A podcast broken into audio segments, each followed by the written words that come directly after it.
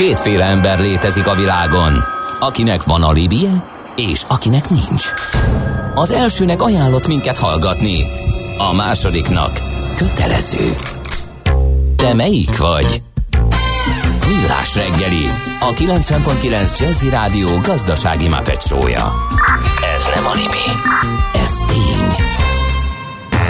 A műsor támogatója a T-Systems Magyarország ZRT, a nagyvállalatok digitális szolgáltatója. Jó reggelt kívánunk, kedves hallgatóink! Folytatódik a Millás reggeli műsor folyama. Itt a 90.9 Jazzy Rádió 8 óra 18 perckor Kántor Endre kommandírozásával. És Mihálovics András kommandírozásával. Nézzük, 0 hogy 30 gyors... 20 10 9 0 9 SMS, WhatsApp és Viber számunk is ez. Hát gyakorlatilag sötétben tapogatózunk. Nem, bár van egy közlekedési van, hír, ami fontos. Van, jó. Budapest legfrissebb közlekedési hírei, itt a 90.9 jazz Baleset nehezíti a közlekedést az M1-es autópályán. Budapest felé a Zsámbéki kiárat után két kis teherautó ütközött össze. A 25-ös kilométernél mindkét sávot lezárták, a forgalmat a sérült járművek mellett csak a leálló sávon engedik, ezért van nagy torlódás ott, tehát az M1-es autópályán Zsámbéki kiárat után már nehéz közlekedni, próbáljanak megkerülni az errefele közlekedőt, tehát Budapest Budapest felé közlekedők. És akkor az a téma, amit Igen. bearangoztunk, folytatjuk azt, hogy mi történik a jegybankokkal. Nyomás van-e a Magyar Nemzeti Bankon, és hogy mekkora ez a hát ez igen. már önmagában, a önmagában igen. azt mondjuk, hogy igen, van, de meghallgatjuk, hogy Plesinger Gyula, az MKB Private Banking igazgatója mit mond, aki itt van a vonalban. Szervusz, jó reggelt! Sziasztok, jó reggelt, jó reggelt a hallgatóknak is. Hát nem tudom, az előző beszélgetés hallotta, de értetlenül állunk, hogy az LKB és a Fed miért nem csinál valamit, miközben elszabadulóban van az infláció, ők mantrázgassák azt, mantrázgatják azt, hogy hogy hát nincs itt semmi látnivaló, ideiglenes inflációs csúcs van, stb. stb. Um, hát ehhez képest, ha most Magyarországra koncentrálunk, itt is 9 éves csúcson van az infláció, hát ilyenkor azért tök jó lenne tudni, hogy mit lép legközelebb az MNB, és azért lenne tök jó tudni, mert egy csomó embernek van hitele, ha nincs ez fixált kamattal, akkor ugye a törlesztő részleteket érintheti, ha meg betétje van, akkor meg azért, hogy hát esetleg valami értelmezhető instrumentumba átcsoportosíthatja a befektetését, mert hogyha továbbra is marad ez az infláció, akkor ugye nem biztos, hogy a szuper állampapír annyira megéri, mint eddig. Így van, hát egy jó nagy kérdés csokor érkezett. Igen, bocsánat. Pró- pró- próbáljuk akkor semmi probléma, mert, mert szépen elemenként vizsgáljuk akkor ezeket, illetve tudjuk vizsgálni ezeket.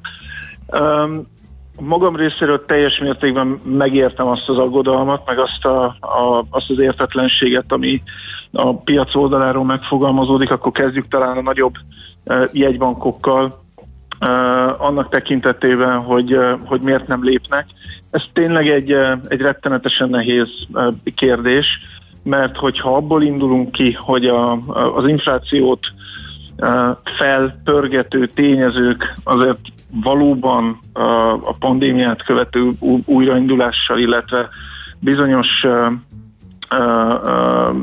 kínálati lánccal kapcsolatos, vagy tehát ellátási lánccal kapcsolatos kérdésekhez kapcsolódnak.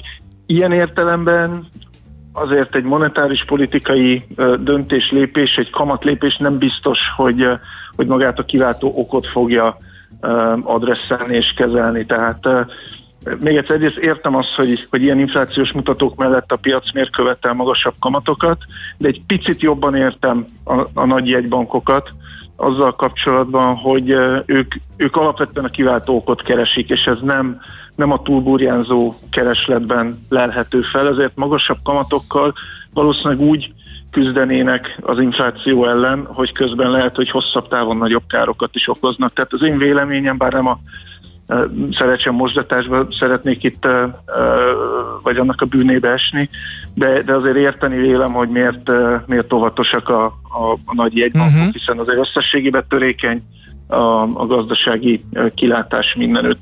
Ez meg azért, ez meg azért lep meg ez a, ez a mondatod, mert hogy közben meg, hát nem tudom én hány éve, tehát már felnőtt egy olyan korosztály, aki nem hiszi el, hogy mehet rosszul is, mondjuk a tőzsdén vagy mondjuk a gazdaságba. Válti gyors jelentések évek óta ö, tök jók. Ö, akkor minek öntik a pénzt a piacra? Meg miért mondod azt, hogy törékeny a gazdasági növekedés? Hát, hogyha ha ugye ezt a szteroidot elvennénk a piacról, illetve elvennénk a gazdaságtól, akkor azért erős kétségeim vannak azzal kapcsolatban, hogy a mostani tőzsdeindex szintek fent tudnának-e, fent tudnának-e maradni. Tehát egy kicsit ilyen, ilyen ördögi körbe került a globális monetáris politika, illetve a piacok egymásra figyelnek. A monetáris politikának ki nem mondva ugyan, de véleményem szerint, és most elsősorban a, a, a nagy jegybankokról, a Fedről beszélek, ki nem mondva ugyan, de, de már-már célja a, a tőzsdék jó állapotának a megtartása. Ennek van egy nagyon kézzelfogható oka, a tőzsdei árfolyamok közvetlenül lecsapódnak a, a háztartások jólétében, ezáltal van közvetlen hatásuk is a, a gazdasági folyamatokra. Önmagában egy jelentős tőzsdei árfolyam esés azt gondolom, hogy olyan károkat tudna a megtakarításokban okozni, aminek aztán GDP-re is negatív, negatív hatása lehet. Tehát Na de az mégsem, a, igen, az mégsem ja. állapot, hogy, hogy lélegeztető gépen tartjuk a gazdaságot az idők végezetéig. Nem, ez valóban nem, és szerintem ezt a FED sem állítja, hogy ez egy állapot. Tehát ők is már többször nekifutottak a, a pénznyomtatás először ütemének a lassításához, aztán, aztán az abból való kihátráláshoz. Tehát én ebből a szempontból bízom a Fed bölcsességében, illetve az előrelátásában. Én nem hiszem, hogy ezt, ezt szeretnék az idők végezetéig fenntartani. Valóban elég sok torzulást is okoz a, a, az árazásokban, meg a gondolkodásban. Amit említettél különben egy fél mondattal, hogy fölnőtt egy, egy generáció, aki nem látott krízist, ez egy rendkívül fontos félmondat különben. A, a turbulens piacokon való manőverezés az azért, tehát az tapasztalattal érkezik, és hogyha ha ez úgy éri a piacot, meg már vezető pozícióban lévő szakembereket, hogy még nem láttak igazán komoly turbulenciát, ez nem biztos, hogy, hogy szerencsés. Tehát nem, nem baj az, hogyha a piac néha meginog, és néha, néha nehezebb napok vannak, zárója bezárva, tehát vissza, vissza az eredeti kérdéshez. Én azt gondolom, hogy a szándék az mindenképpen az a Fed részéről is, hogy ebből kihátrálni. A probléma az az, hogy ez még jegybanknak a világban, tehát hogy igazán tartósan kilépni mennyiségi lazítási programból, ilyet még nem láttunk, tehát a Fed lesz valószínűleg az első. Uh-huh. Hát jó, de, de az a helyzet, hogy, hogy én azt látom, hogy ahogy az András mondta, hogy nem akarják fenntartani, ezt is kommunikálják, hogy nem akarják fenntartani, jönnek a, a tapering üzenetek, de attól még nagyon félnek a piactól, hogy meg, meg, meg ijed, meg, meg remeg attól, hogyha tényleg elkezdik kivezetni, és akkor mindig el, elodázzák. Ez, ez, ez, ez nagyjából uh, így is van, ezzel én nem is nagyon tudok vitatkozni. Uh, mindösszesen abban bízom, hogy így a pandémiából hát remélhetőleg kifelé lábolva önmagában is, tehát a stafétát át fogja tudni adni a Fed a, a piacoknak, és egy normálisabb működés erre állítható lesz. Ezt a Fed nem kívánja úgy meglépni, hogy közben egy, egy jelentős piaci összeomlás generálna. Tehát szerintem ez egy, ez egy lassú folyamat lesz, de a végcél, én tényleg őszintén azt gondolom, hogy, hogy mindenki számára ez. Uh-huh. Jó, na most ezt rendbe tettük jó hosszan, de akkor ezek szerint a Magyar Jegybank jó irányba megy. Meg Magyar a regionális jegybank... jegybankok is, mert ugye a csehekről is szó van, ők okoztak legutóbb meglepetést nekünk. Így van, azért is gondoltam, hogy érdemesebb talán a, a, akkor az, a kérdéscsokorban a, a nemzetközi jegybankokra kitérni, mert paradox módon ők vannak egy picit könnyebb helyzetben, nem nincsenek könnyű helyzetben, de még mindig könnyebb helyzetben vannak, mint a fejlődő piaci vagy a kisebb ilyen szatellitgazdaság jegybankjai, ugyanis a, nálunk a, még azt is figyelembe kell venni, meg a cseheknél, meg a lengyeleknél, hogy mit csinálnak a nagyok, hiszen arra, annak a, további következményei a, lehetnek a, a, a lokális monetáris politikákra. Tehát az, hogy a, a, a Magyar Jegybank, és most már, tehát a cseh is, ugye nagyjából egy időben kezdték a kamatemeléseket, és most már a lengyel is, meg a román is kamatot emel, ez egyrészt reakció az inflációs nyomásra, tehát lehet azt mondani, hogy érzékenyebben reagálnak a, a környező jegybankok, mint a Fed vagy az LKB az inflációra. Másrészt viszont egy, egy ilyen megelőző lépés is arra az esetre, hogyha megindulnak a globális kamatok felfelé, mert az egy nagyon kellemetlen pozíció, amiben néha fejlődő piac, és most bocsánat, hogy magunkra is így hivatkozom, de, de semmi derogáló nincsen. Tehát, hogy a fejlődő piaci jegybankok egy kicsit ilyen csapdahelyzetbe tudnak kerülni akkor, amikor elkésnek, és a nagy jegybankok hamarabb lépnek, hiszen ilyenkor nyomás alá kerülnek a, a devizáik, ami még plusz problémát jelent a, a, ezeknek a fejlődő piaci jegybankoknak a számára. Tehát a, a, a lényeg e, itt az, hogy szerintem helyesen indult el a kamatemelés irányában valamennyi regionális jegybank. A nagy és izgalmas különbség különben kett, ezek között az ütemezésben van, meg a lépések nagyságában, ami miatt ugye az MNB-t most éri is kritika. Hát kemény a helyzet, az biztos. Kérdezi, kérdés az, hogy, hogy még, még a Mikulás ralliról beszéljünk Igen, most és akkor most még a tőzsdéről nem is beszéltünk, igen. igen, ba, uh, igen a, a, erre kitérek egy pillanatra, viszont ha még belefér a, a műsoridőbe, azért arra uh, azt még egy, egy mondat erejéig hagy bontsam tovább, hogy, uh, hogy a csehek ugye múlt héten több mint egy százalékot emeltek a, a kamatukon, uh-huh. ami egy rendkívül jelentős lépés, és egy picit így, így helyzetbe hozta a mi MNB-nket, és sokan kapták fel a fejüket, hogy oké, okay, hogyha ha a csehek ennyit tudnak emelni, ilyen inflációs környezet mellett, akkor miért nem teszi ezt, a, ezt az MNB? Én itt egy picit fogadatlan prókátorként védeném a, a hazai monetáris politikát, miközben nagyon látványos az, amit a csehek csináltak. Ez szerintem így intuitíve és könnyű belátni, vagy legalábbis részben elfogadni azt, a, azt az állítást, hogy ebbe azért beleolvasható egy kis pánikreakció is. Tehát, uh-huh. hogyha most 125 bázispontot tetszettek emelni, akkor merre tetszettek járni korábban, vagy miért most ennyit, vagy ha most ennyit, az akkor előrevetít még egyszer ennyit a következő hónapban, tehát ekkora ekkora kilengésekkel dolgozni szerintem több kérdést vett föl, mint amit, mint amit meg, megválaszol. Az MNB kitűzött magának egy tempót, egy pályát, azt úgy viszonylag következetesen tartja. Szerintem egyszerűbb a, a, a piacok számára ezt feldolgozni, illetve, illetve értelmezni. Egy picit arra, egy, ha egy ilyen analógiával szabad élni, és aztán rátérünk az ünnepekre és a Mikulás rallira, hogy egy picit olyan, mint a, a ilyen pajkos hasonlattal élhetek, mint a sörfogyasztás, illetve a pálinka fogyasztás közötti különbség. Az MNB most sört fogyaszt lassan kortyonként, nyilván kultúráltan, a, a Cseh bank meg most letolt egy felest, és annak a hatása az majd, hogy mondjam, hamarabban és drasztikusabban érkezik meg a gazdaságba. Nem vagyok benne biztos, hogy ez egy ez, ez egy jó döntés volt. Tehát én azt gondolom, hogy az MNB tempója jelen helyzetben, még hogyha kritikatárgyát is képezi, jó lehet. Oké, okay, menjünk át a Mikulás rallira, ilyenkor azért ezzel szoktunk foglalkozni.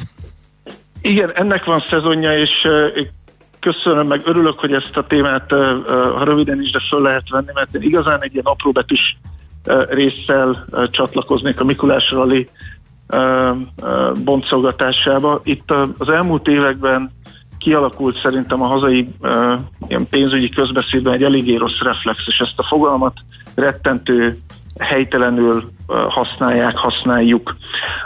Általában, hogyha cikkeket olvas az ember, már idén meg is érkezett az első ilyen fecske, ami hivatkozott arra már október végén, hogy majd valamelyik portálon olvassam, hogy folytatód hat év végéig a Mikulás ralli és úgy fölkaptam a fejemet, hogy te úristen, mikor kezdődött idén a Mikulás rally.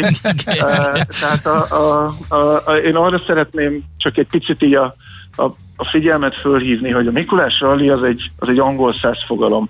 A Mikulás, ezt nyilván mindenki pontosan tudja, angoléknál, meg amerikaiéknál ugye decemberben érkezik, december, most karácsonykor érkezik, amikor ugye Jézuska nálunk elfoglalt.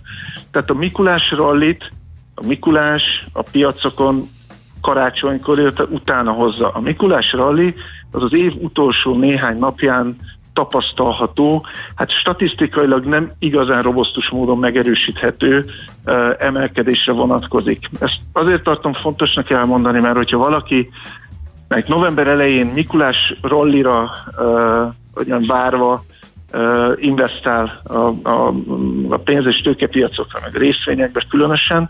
Én attól tartok, hogy tehát a nagyszakálú nem lesz a segítségére. Ő mondom, hogy az év utolsó napjaiban működik, ha egyáltalán működik. Tehát itt röviden, röviden és tömören az év vége felé természetesen hogy mondjam, nem, nem, nem kizárható, hogy erősödnek a piacok. Továbbra is ott van a Fed, amivel kezdtük a beszélgetést, pumpálja a pénzt. Van egy erős hátszél, hogy magasan maradjanak az árfolyamok. Én azt gondolom, hogy inkább ez a, ez a domináns, és a, mondom, a Mikulás raliba vetett hitet pedig én ezt szeretném egy picit hogy mondjam, egy picit mérsékelni, és, és jelezni, hogy ezt a fogalmat ezt nem igazán helyesen használjuk. Oké, okay, Gyula, köszönjük szépen, izgalmas volt. Hát figyeljük Köszönöm akkor, mit csinálnak a központi bankok, ugye előbb szűkebb pátriánkban Magyarországon, de hát nyilván követjük a többi nagyot is. Európában és Amerikában. Az biztos, hogy nagy kihívások vannak minden szempontból nem egyszerű, de drukkolunk a döntéshozóknak, hogy a helyes, helyes irányba és, tereljenek. És hogy inkább lassan kortyonként sörözzenek, semmint gyakorta egy-egy felest becsapjanak. Ennek drukkoljunk, nehogy aztán valami nagy berugás Vagy legyen a végén. egy felest, igen, az, az nehéz igen. már. Jó, Angyula, köszönjük szépen. Szigorúan mértékkel. Köszönöm szépen, szép Köszönjük. Napot. Szia, szia. Az MKB Private Banking igazgatója Plesinger Gyula volt az, aki elmondta véleményét, hogy eh, milyen nyomás van a Magyar Nemzeti Bankon, eh, cseh és magyar monetáris politikai különbségekről beszélt, meg hát, hogy eh, mit, mit hozhat a jövő. A tőzsde olyan, mint a nyomozás.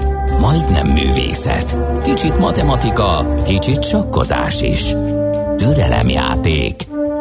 Millás reggeli. A Millás reggeli szakmai együttműködő partnere, az EMAG webshop áruházak és marketplace üzemeltetője, az Extreme Digital EMAG Kft. A szerencse fia vagy? Esetleg a szerencse lánya? Hogy kiderüljön, másra nincs szükséged, mint a helyes válaszra. Játék következik. No kérem, ha pedig játék, akkor azt kell tudni a játékról, hogy mi a nyeremény, meg mit kell beküldeni, meg ilyenek. A játékosok között minden nap kisorsolunk kettő darab páros belépőt, vagy a magyar-olasz, vagy a magyar-ukrán meccsre. Ez a tét egyrészt, másrészt egy-egy dedikált magyar válogatott mez a Magyar Jégkorong Szövetség jóvoltából. Ezen kívül a héten helyes megfejtés beküldők a pénteki napon vesznek részt egy sorsoláson, ahol a főnyeremény kettő darab VIP Hospitality jegy a magyar-ukrán mérkőzésre. Mai kérdésünk a következő. A következő eszközök melyikét nem használja mérkőzés közben egy hokikapus? A. Lepkéskesztyű, B. Mamut, C. Fakutya. A megfejtéseket pedig hova küldjük? A helyes megfejtéseket ma délután 16 óráig várjuk a játékkukac jazzy.hu e-mail címre. Kedvezzem ma neked a szerencse! Műsorunkban termék megjelenítést hallhattak. Hé, hey, te mit nézel? Nem tudtad? A Millás reggelit nem csak hallgatni, nézni is lehet. millásreggeli.hu Nézzünk, mint a moziban! Aranyköpés a millás reggeliben. Mindenre van egy idézetünk. Ez megspórolja az eredeti gondolatokat. De nem mind arany, ami fényli.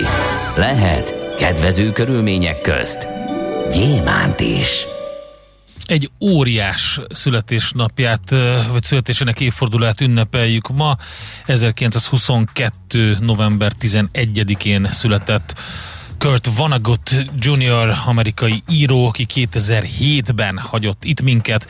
Több minden jót is mondott, hát nyilván ezer olyan dolgot lehetett volna választani tőle, ami zseniális idézet. Hát mondjunk kettőt, kettőt egyet, találtam, egyet. ami, ami egy kicsit utal a, a mai korra, társadalomra, akár politikára is. Az első, a butaság meleg baráti szövetségben egyesíti az embereket. Láthatjuk, hallhatjuk nap mint nap, néha akár ebből a műsorból is. Legyünk önkritikusak. És a stb. másik. Stb. A kéz, mely feltölti a vegyes kereskedéseket, kormányozza a világot. Hát, Nézzük csak meg, ugye? hogy mi volt a budi papír hiány idején, ugye? mennyire ugye? igaz ez ugye? a mondás. Ugye? Tehát a kéz, amely feltölti a vegyes kereskedéseket. Olvassatok Vonegutot, és használjatok naptejet. És hallgassátok a millás reggelit. Aranyköpés hangzott el a millás reggeliben. Ne feledd, tanulni ezüst, megjegyezni arany. A műszer neked egy fal, a sebesség egy váltó, a garázs egy szentély. Zavar, ha valaki elbetűvel mondja a rükvercet. Mindent akarsz tudni az autóvilágából? Akkor neked való a millás reggeli autós rovata. Futómű. Autóipari hírek, eladások, új modellek, autós élet. Kressz. Van egy mém, bejárt az internetet, szerintem ma is és állandó autós szakértőnk Várkonyi Gábor is látta ezt a mémet amikor egy apuka kézen fogva vezeti a gyerekét, és felnéznek az égre, ahol széles rajokban, vőbetű formában repülnek a repülőgépek, és megkérdezi a gyerek, hogy apa, hova megy ez a sok repülőgép? És akkor az a válasz, hogy a Glasgow-i klímacsúcsra, hogy megbeszéljék, hogy sokat fogyaszt az autóm. Láttad ezt, Gábor? Szevasz! Jó reggelt! Annyit tudok hozzátenni az előzőekhez, hogy így megy ez. Így megy ez, Igen. így van és, és talán erre is válasz valahol, hogy így megy ez. Igen. Igen. Mert hogy most arról lesz szó, hogy 30 ország is támogatta a belső égésűek, belső égésű motoroknak a tiltását. Bravo! Hát egyfelől bravo, másfelől meg nagyon érdekes, hogy, hogy itt is a sokszor megénekelt hasadáspont, vagy szakadáspont, vagy nem is tudom, hogyan fogalmazzak, az így, az így megint csak így keresztbe e, található az autóipar és a politika és a, és a fogyasztók, meg az infrastruktúra kérdése e, között keresztül kasul, tehát az egyik oldalon el lehet mondani, hogy nagyon sokan csatlakoztak egy, egy valóban lényeges kezdeményezéshez, amely értelemszerűen alapjaiban befolyásolná a világ autózását, hogyha valóban mindenki benne lenne. A másik oldalon meg azt lehet mondani, hogy azért a hurrá optimizmusnak abból a szempontból nem nagyon van itt a helye, ha ténylegesen valaki nagyon boldog lenne attól, hogy, hogy ugye korlátozzák a belső motoros autóknak az újkori forgalomba érzését. Szóval nem nagyon van itt a hurrá optimizmus ezen ügy kapcsán, hiszen az igazán nagy playerek azok, azok úgy finoman, de egyértelműen érezték, hogy nem annyira akarnak részt venni ebben a kérdésben. Ugye arról van szó, hogy 2040-re számos autogyártó és számos ország hajlandó önkéntesen korlátozni magát ezen technológia kapcsán, és ö, olyan bejelentéseket, meg olyan elképzeléseket láthattunk, hogy fokozatosan és az ő lehetőségeikhez mérten gyorsuló ütemben szeretnének ebből a technológiából kijönni. Ezzel párhuzamosan egyébként nagyon érdekes, hogy így a vezető ö, ilyen autóipari portálok kapcsán ezzel párhuzamosan két hír érkezett. Az egyik egy olyan tanulmány, ami Európára koncentrálva beszél és, és analizál olyan adatokat, hogy mely országok energiamixe mellett mekkora jó téteményt teszünk akkor, hogyha villanyautóval közlekedünk. Ez az egyik, a másik meg, hogy, hogy lazulni tűnik a, az Európai Unió álláspontja azzal kapcsolatosan, hogy a szintetikus üzemanyagok azok most uh, akkor jó dolgok, vagy nem jó dolgok hosszú távon, de hogy visszamenjünk gyorsan a, a Glasgow-i részre, aztán erre is egy picit uh, uh, kitérjünk. Aki nincs benne abban, hogy 2040-re teljes mértékben véget érjen e, világszinten a belségési motoros autók a gyártása és forgalomba az a két legnagyobb autógyártó, a Toyota és a Volkswagen. Talán utóbbinél egyébként hozzátartozik a magyarázathoz az, hogy azt, azt nagyjából ki kell jelentenünk, hogy az elektromos átállás kapcsán a legtöbb pénzt a kvázi hagyományos autógyártók közül még mindig a Volkswagen hajlandó erre az egészre elkölteni, és mondjuk főleg, hogyha ez az európai piacot nézzük, de akár még bármelyik másik fejlett piacot, ahol ők szerepet játszanak, akkor azért az elektrifikáció az ő felfogásuk szerint valóban nagyon hamar el fog következni. Csak hát itt jön képbe a realitás, hogy azért a világ az nem csak fejlett piacokból áll, és sem a Volkswagen, sem a Toyota nem érzi azt, hogy 2040, ami azért nincsen olyan olyan rettenetesen közel. Tehát amikor arról beszélünk, hogy az évtized végére sok autógyártó, és erre is mindjárt kitérek, szeretné, hogyha, hogyha teljes mértékben leállnának a belső égési motoros autókkal, és lehetőség szerint inkább minden elektromos legyen, akkor azért azt mondjuk, hogy hű, hát az egy, az egy modellciklusra van arrébb, hiszen mindjárt 2022 van, 8 év múlva az tényleg nagyon közelinek tűnik. Ehhez képest a közel két évtized, amiről beszélünk, azért az eléggé távolinak tűnik, és ehhez mérten még mindig van két nagy player, aki azt gondolja, hogy globálisan azért ez egy megoldhatatlan kérdésnek tűnik. Herbert Diess, a Volkswagen vezér egyébként azt mondta, hogy nyersanyagokra, új bányákra, körforgásos gazdaságra van szükség, és Európában a hálózat lesz a szűk kapacitás, a szűk keresztmetszet, bocsánat, annak kapcsán, hogy, hogy hol van az üvegplafon elektromobilitás szempontjából. Tehát az a Herbert Dísz, aki folyamatosan arról beszél, hogy nincsen alternatívája az akkumulátoros elektromos autónak, 2040-et nem merte aláírni ezek szerint, szerintem ez egy, ez egy figyelmeztetőjel. És hát a másik, hogyha az országokat nézzük, sem Kína, sem USA, sem Németország nem írták alá ezt az elképzelést. Tehát tulajdonképpen a két legfontosabb autóipari szereplő, és mondhatni a három legfontosabb piac globálisan, az nem akarja ezt a 2040-es önkéntes korlátozást. Ha az autógyártókat nézzük még tovább, akkor a Stellantis, a Honda, a Nissan, a BMW és a Hyundai az, amely, amely márkák nem sokat látnak bele ebbe az egészbe. Ehhez képest nézzük a másik oldalt, azért ott is vannak elég fontos szereplők ezzel kapcsolatosan. Van a Ford, amely egyébként ugye az említett 2030-as dátumot már az európai flottájára nézve teljesen villanyos autóparkkal szeretné megkezdeni. Van a GM, amiről régóta lehet tudni, hogy rettenetesen nagy energiákat fektetnek abba, hogy elektrifikálják a teljes line-upot. Ráadásul ugye a, a, az elektromos autózás kapcsán azért nekik van is némi kredibilitásuk, hiszen hamarabb kezdték az ezzel való kísérletezgetést, meg persze az ennek elfolytását is, hogy itt mind a két oldalát megmutassuk az éremnek, ami az elektromobilitással kapcsolatos. India, mint piac, csak hogy ugye ne autóipari szereplők egyedül, hanem, hanem ugye országok is. Szóval India is aláírta ezt, és érdekes, egy nagyon nagy flotta kezelő, amely világszinten 1,7 millió autós szerződés állományjal rendelkezik. Ez nem más, mint a Lispan, szintén aláírta azt, hogy 2040-re csupán elektromos autózás legyen a, a az általuk megdolgozott piacnak a, lényege.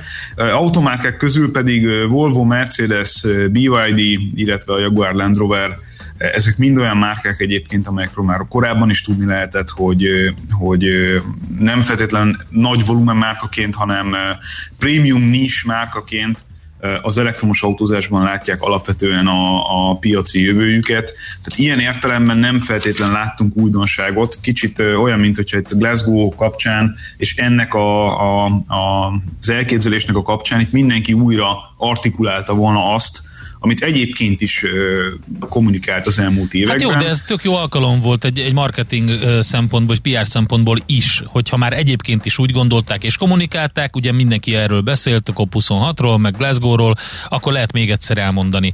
De, de, de nekik ez nem volt, hogy is mondjam, tehát azt olvasom ki, vagy azt hallom ki a szavaidból, hogy ez nekik nem kerül semmibe, hogy ilyen csúnyán fogalmazzam meg. Hát, hogyha most megnézzük az előzőeket, amikről, tehát az előző márkákat, még egyszer így, így átmegyünk a legfontosabb márkákon, azok közül, akik alapvetően megfogalmazták most is az önmagukra nézve korlátozó elképzelést. Ugye a Volvo, mint, mint kínai tulajdonban lévő cég, amely egyébként a nagyon korán kísérletezik, meg kísérletezett már egy csomó olyan dologgal, ami piaci trendek szempontjából innovatív. Tehát itt a, uh-huh. az autó előfizetéstől kezdve az online rendelésen át a, a, az úgynevezett legacy autógyártók közül azért még mindig ő az, aki a, a tulajdonosi struktúráját, meg a skandináv filozófiáját belevíve ebbe az egészbe, a leghatározottabban szeretné kommunikálni azt, hogy ő a, a, a jövő autózásában már most hisz és lépéseket tesz. De ez organikusan illik is ehhez a márkához, hiszen azért ez nem egy, nem egy millió autókat gyártó autógyártó, hanem ez egy olyan ügyfélkörrel rendelkező, olyan kommunikációval rendelkező, olyan dizájnnal rendelkező autógyártó, amely, amelynél egyszerűen ter, a természetes fejlődés szövete az, hogy elsők között jelentkezik erre a feladatra. Tehát ilyen szempontból, ráadásul a Volvo úgy nem is 2040-ről beszélt eddig sem saját maga kapcsán, hanem szintén az évtized végéről. Tehát 2030-tól a Volvo-nál szeretnének teljesen elektromos márkává válni. Ugye nem tudom mennyire emlékeztek rá, ez az a márka, amely először korlátozta önként 180 km per órás sebességbe, uh-huh. sebességre azokat az autókat, amiket kínál, annak ellenére, hogy ugye nyilván a teljesítményük ennél többet is tudna. Aha. Tehát a biztonság és a, és a mondjuk a, a környezetvédelem az ilyen szempontból egy, egy kor ö, eleme annak, hogy, hogy hogyan gondolunk erre a márkára. Igen, de igen, ráadásul ugye a, a, mondjuk úgy, hogy az ős hazájában a Volvo-nak,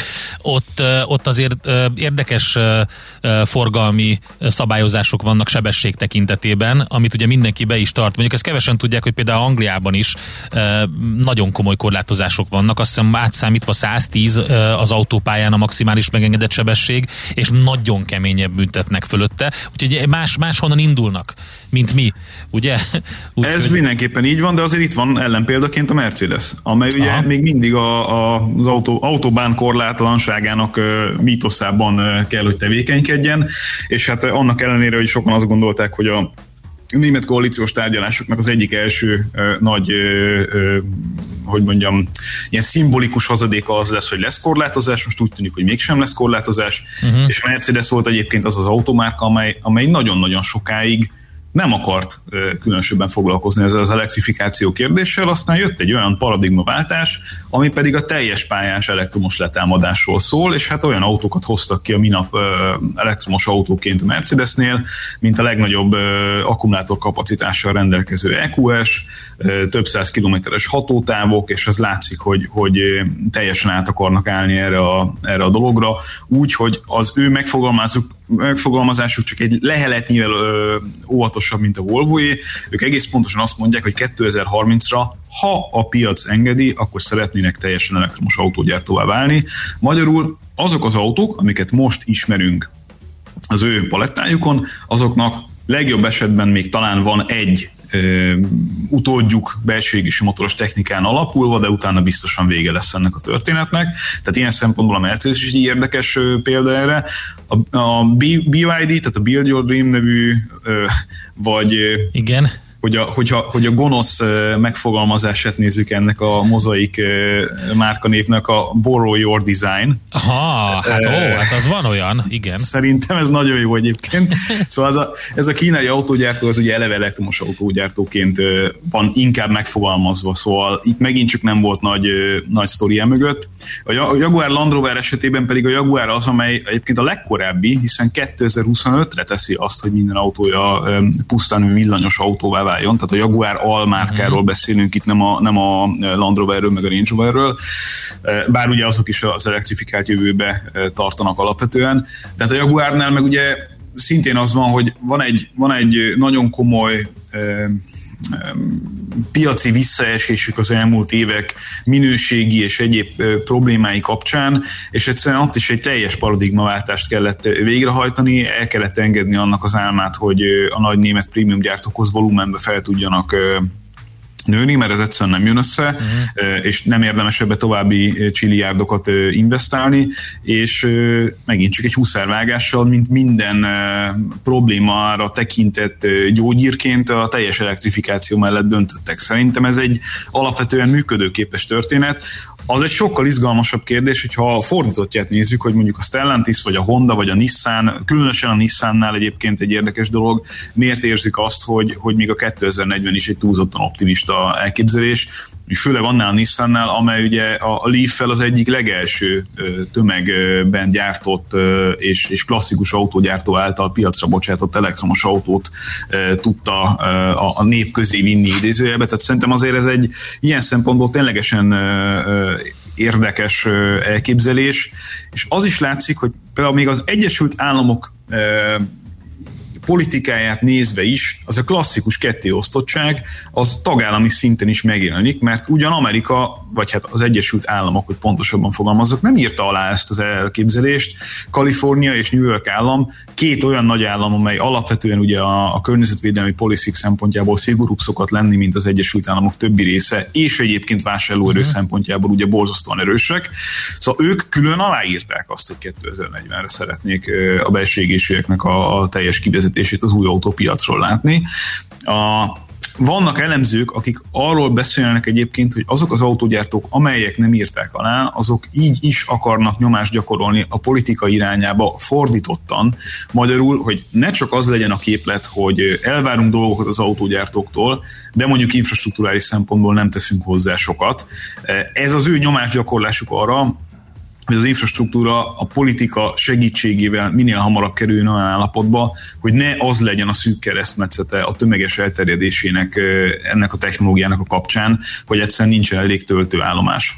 Eközben, és itt tudom, hogy az idő lassan jár le, de azért ez fontos megemlíteni, hogy eközben azért mocorog valami az Európai Uniónak a, a döntéshozói kapcsán is, ugyanis a Commissioner for Transport, tehát a, gyakorlatilag a szállításért uh-huh. felelős segítsetek Biztos. ki. Biztos, igen, köszönöm szépen. Arról beszélt a minap, hogy hogy el kellene fogadni az e-fuelokat, tehát a szintetikus üzemanyagokat is, mint széndiokszid neutrális közlekedési módot, hiszen nem látszik az, hogy infrastruktúra szempontjából a villanyt kellő gyorsasággal fel tudjuk építeni Európában, és a meglévő állományjal is, amit szerintem nem lehet elégszer hangsúlyozni, mert a számok azért tényleg eléggé nyomasztóak ahhoz képest, hogy hogyan alakul a villanynak a, a terjedése, és ehhez mérten mennyi ideig és milyen tömegben lesznek velünk belső égésű motoros autók is. Szóval a meglévő állománynak a széndiokszid semlegessé tétele menet közben, tehát a használata közben, az mégiscsak egy rettenetesen fontos kérdés, és az elfiúlók a jelenlegi tudásunk szerint azért belátható időn belül olyan költségekkel lesznek elérhetőek, hogy valós alternatívát tudnak nyújtani az autózásban. Tehát ha ezt elfogadják, és egyébként emellett végigmegy a, az atommal kapcsolatos elképzeléseknek a francia oldala is az Európai Unióban, akkor az elég jelentős paradigmaváltás fog történni két oldalon is az energia kapcsán, amit, amit zöldnek tételezünk föl. Ezt Ráadásul a németek is, akik eddig elég erősen ellenálltak ennek az elfúl történetnek, a németek is úgy látják, hogy, hogy 2035 után is meg kellene engedni adott esetben olyan belső motoros autóknak a forgalomba érzését az EU-ban, amelyek ugye elfiúlokkal működnek. Tehát nagyon jelentős paradigmaváltásokat láthatunk itt, ezt most már harmadszorra mondom a, a mai reggelen, de mégiscsak az van, hogy de itt, olyan, hogy szépen, olyan szépen ropog ez a szó a, a szádból, tehát ez jó, jó hallani. Hát igen, tehát szerintem jelentős, jelentős változások előtt állunk, és úgy tűnik, hogy, hogy egy ilyen messzebb való kitekintést is megengednek lassan maguknak a, a döntéshozók. Nagyon-nagyon kíváncsi vagyok. Timmermans, aki, aki ugye azért alapvetően egy döntő szerepet játszik az EU döntéshozatalában, viszont továbbra is erősen elfiul ellenes, úgyhogy majd ezt, a, ezt az anomáliát valahogy rendbe kell rakniuk maguk között. Először majd rendbe rakják a németek magukat, és akkor utána majd az autóipari változásokat szépen elkezdik eszközölni. Ez az én geopolitikai megjegyzésem ehhez a, a témához. Hát nagyon kíváncsi leszek. Én őszintén szóval eleve nagyon csodálkozom rajta, hogy ezt az autópálya sztorit ezt nem, nem vitték végig. Nyilván én örülök neki személy szerint, ez nem kérdés, de, de ez egy akkora trófea lett volna, és annyira, annyira jelentős szimbolikával bíró politikai döntés a zöldek tekintetében, hogy, hogy nehezen tudom elképzelni, hogy ezt el fogják engedni, de legyen örül úgy tűnik, hogy ezt elengedték. Hát úgy, lehet, hogy, hogy volt egy deal, tudod, ami, ami, ami miatt jobb, jobb volt elengedni. Könnyen lehet, könnyen lehet. Az is lehet, hogy ez volt a bedobott ez volt, ez volt a bedobott gumicsont, igen, az is lehet. Hát izgi. Oké, Gábor, köszönjük szépen, tök jó volt ez az összefoglaló autóipari szemszögből. A klímacsúcs 30 ország támogatja a belső égésűek tiltását, és hát ennek következményei. Várkonyi Gábor autóipari szakértő volt a saját rovatának a vendége, és beszélt velünk. Én azért Köszönöm nem szépen. beszéltem vele, mert tegnap beszéltem vele. Ja, értem. Akkor, ja, Úgyhogy ja, ne ja, Gratulálok meg. a címlaphoz. Hol a címlap? Miért nincs ott mögötted? Várkagyi Gábor címlapfiú. Oh. Beszélgettünk, fantasztikus Újságírói bravúr Igen. egy remek nyilatkozóval. Van, Ennyit kell tudni erről az egészről. Köszönöm szépen, fiúk. Most megyek, beveszem a kataflám adagomat, Jó. mert ki vagyok ütve. Ezért mondtam, hogy a paradigma, paradigma szót azt még egy pár szó mond, de mert... ez így... Olyan jól esett, igen. Köszönöm Jó, szépen. Köszönjük szépen, Gábor. Szervusz. Hello. Sziasztok, szép napot. Várkonyi Gábor autóipari szakértővel beszéltünk tehát. Most lefarkolunk, de jövő héten megint indexelünk és kanyarodunk, előzünk és tolatunk a Millár reggeli autós rovatában. Futómű a világ négy keréken. Hát IT rovatunk következik majd Czoller Andi hírei után, és azt fogjuk megnézni, hogy mi történik a médiamárktal, mert hogy hát ahogy biztosan többen észrevettétek, gyakorlatilag egy, egy óriási támadás célpontja lett. A MediaMarkt még mindig a magyar oldal és webshop teljes mértékben áll. Különböző felhívásokat lehet olvasni. Mi áll a támadás hátterében? A MediaMarktot vizsgáljuk meg Frész Ferenccel, a Cyber Services ZRT alapító vezérigazgatójával, illetve arról beszélünk róla, hogy CVC, CVC2, CVV kódok, avagy Aha. hogyan bánjunk bankkártyáink adataival, mi a helyes eljárásrend, Aha. és mi lesz ezekkel az adatokkal. Kicsit tovább visszük e, azt a témát, amiről múlt pénteken e, értetlenkedett Ács kollega, hogy már pedig a, miért, miért, hát ezt így kell csinálni, meg kell adni telefonon az ügyintézőnek. Hát ezek a témáink IT rovatainkban, tehát uh, cyber csütörtök itt a Millás reggeliben. Műsorunkban termék megjelenítést hallhattak.